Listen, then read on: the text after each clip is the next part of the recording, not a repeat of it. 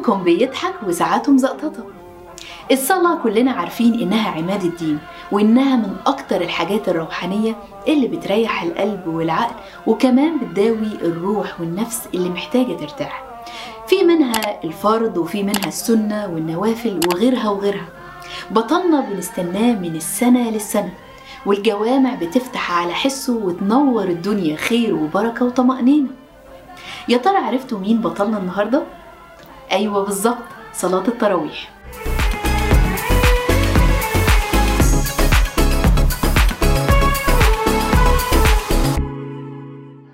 التراويح أو صلاة التراويح من أهم معالم رمضان اللي بنستناه من السنة للسنة وبتبتدي من أول ليلة رؤية الهلال اللي بنبتدي نشم فيه ريحة رمضان وجمال رمضان. صلاة التراويح أو التراويح الثابت فيها إن هي بتكون 8 ركعات. أو بمعنى أصح ده اللي استقر عليه العلماء والفقهاء بعد مداولات كتير في علم السنة. وبيتقال برضو على صلاة التراويح إنها صلاة القيام.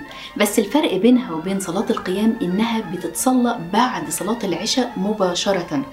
أما صلاة القيام فبتكون إن بنصليها بعد ما نصلي العشاء وننام نرتاح شوية وبنصليها بعدها يعني بتكون في الثلث الأخير من الليل.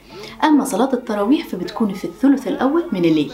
أنتوا متخيلين ان في ناس بتستنى صلاة التراويح من السنة للسنة وبتقعد تجيب اللبس والعبايات وتحضرها من قبل رمضان ويعطروا السجاد ويحددوا هم هيلبسوا إيه في كل صلاة تراويح وازاي يتهيئوا نفسيا ومعنويا عشان يروحوا يصلوا صلاة التراويح.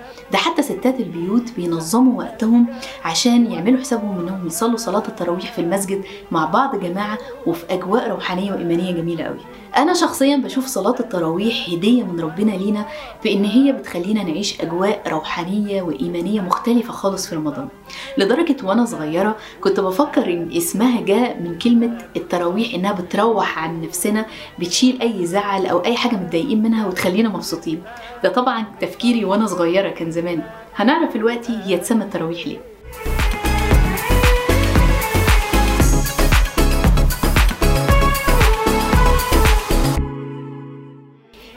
بقى لنقطة مهمة جدا جدا وهي يعني إيه صلاة التراويح؟ وليه سميت بالتراويح؟ هقول لكم حالا صلاة التراويح عبارة عن ركعتين بنصليهم وبعدين نسلم ونستريح وبعدين ركعتين بنصليهم ونسلم نستريح. في كل مرة بنستريح فيها دي الاسم بتاعها اسمها ترويحة. هي مفرد للجمع بتاع كلمة التراويح. ولان إحنا بنصلي أكتر من مرة ركعتين وبنريح ما بينهم فجمعنا كلمة ترويحة وقلنا عليها تراويح. فهي اسمها صلاة التراويح لأننا بنصلي أكتر من مرة ركعتين ونريح ما بينهم. إيه بقى قصة صلاة التراويح وليه بالذات مرتبطة بشهر رمضان مع ان إحنا ممكن نصلي قيام الليل في اي وقت واي يوم من السنة؟ عادي جدا.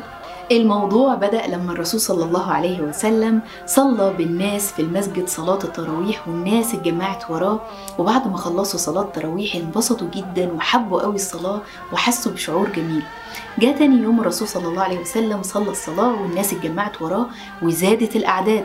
صحيوا تاني يوم يتكلموا عن جمال الليلة والصلاة بتاعة التراويح فزاد الأعداد أكتر وأكتر اليوم الثالث جاء اليوم اللي بعده الناس بعد ما خلصت صلاة العشاء مستنية تصلي صلاة التراويح ورا الرسول صلى الله عليه وسلم لكن اتفاجئوا إن الرسول ما جاش. الرسول عليه أفضل الصلاة والسلام قعدوا يستنوه يستنوه ما جاش. فالناس كلها تساءلت ليه الرسول صلى الله عليه وسلم ما جاش؟ حضرة النبي عليه أفضل الصلاة والسلام أطهر وأشرف الخلق خاف إن الأمر يفرض على أمته. وجاوبهم قال لهم إن الأمر خاف إنه يشق عليهم الأمر يعني يكون صعب عليهم. شوفوا قد إيه المحبة والإيثار من النبي عليه أفضل الصلاة والسلام. إيه المحبة والإيثار والجمال ده من سيدنا النبي عليه أفضل الصلاة والسلام؟ بأبي أنت وأمي يا رسول الله. وبيتقال إن صلاة التراويح استمرت من السنة الثانية للهجرة للتاسعة للهجرة وكان الناس بتواظب عليها والمسلمين وقتها كانوا بيواظبوا على صلاتها بس مش بشكلها الحالي جماعة كانوا بشكل منفرد.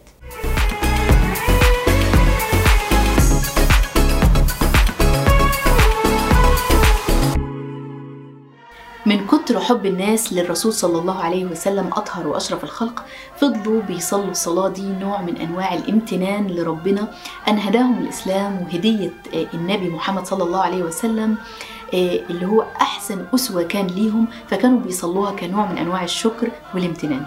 الناس في الوقت ده ما كانتش بتصلي صلاة التراويح بالشكل اللي إحنا عارفينها دلوقتي اللي هي الجماعة. كان كل واحد بيصليها لوحده ولو حد شاف حد بيصليها كان يجي وراه ويكملوا الصلاة. فما كانتش وقتها معروفة بالشكل الجماعي المنظم اللي هي عليه دلوقتي. سيدنا عمر بن الخطاب رضي الله عنه وأرضاه. لما كان بيدخل المسجد وبيشوف الناس كل واحد بيصلي صلاة التراويح لوحده. فكر وقتها ليه ما يجمعش الناس على قلب رجل واحد ويصلوا صلاة التراويح جماعة زيادة في الثواب والأجر لصلاة الجماعة زي ما هو معروف في الدين. فقرر ساعتها إنه الصلاة التراويح تتصلى جماعة في المسجد ووقتها طلب من أبي بن كعب نظرا لجمال صوته حلو ولأنه كمان صوته كان عالي إن يأم الناس ويكون إمام ليهم في صلاة التراويح. ومن وقتها بدأت صلاة التراويح تتصلى جماعة في المساجد ومع الوقت بدأنا نزيد عليها حاجات زي ختم القرآن وزي زيادة وقت للدعاء زي دعاء القنوت. وحي على الصلاة حي على الفلاح.